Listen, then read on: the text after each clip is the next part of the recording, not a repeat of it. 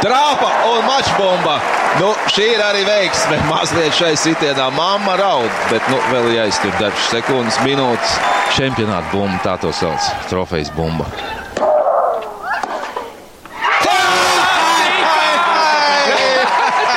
Tas notika tik vienkārši. Skatītāji, tā ir vēsture, kuru var tikai atkārtot. To nevar, tur nevar vairāk neko uzlabot.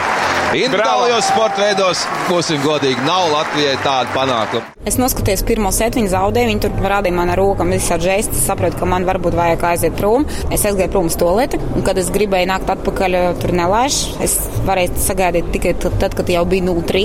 Es domāju, nu, ok, nu, es nākšu, baudīšu to tenisu. Fināls tas ir ļoti labi. Kāpēc man jāsēž kaut kur tur? Nē, nu, tas bija saspringta cīņa, tik viss tik tuvu un paveicās tieši tajā game bumbā Aļonai. Un es jau redzēju, nu, ka viņi saprata, ka visas tagad nedošu svaru. Es varu.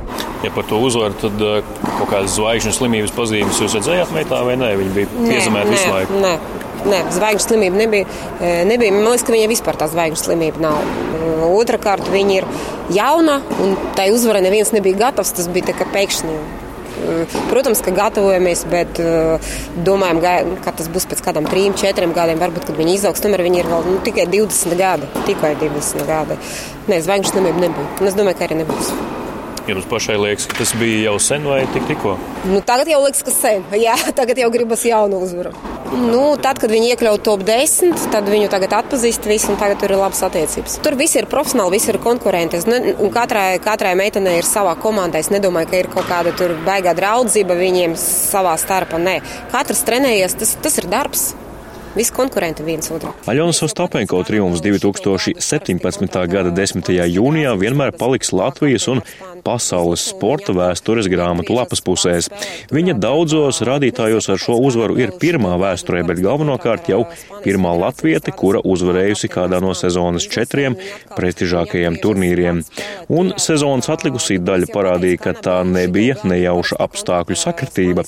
Sezonas laikā Ļona turpināja spēlēt lieliski un rāpties augstāk arī pasaules rangā. Gada beigās viņa iekļuva arī sezonas noslēguma turnīrā, kur tiek vien astoņas labākās.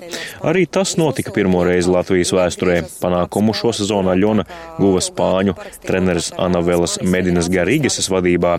Tagad gan viņai jau atrasts jauns treneris, par ko mamma arī ir ļoti gandarīta. Un mēs piesaistījām Davidu Tēleru. Es domāju, ka mums būs laba sadarbība ar viņu. Viņam ir pieredze, viņš uzvarēja, tos var uzvarēt kopā ar viņu US Open.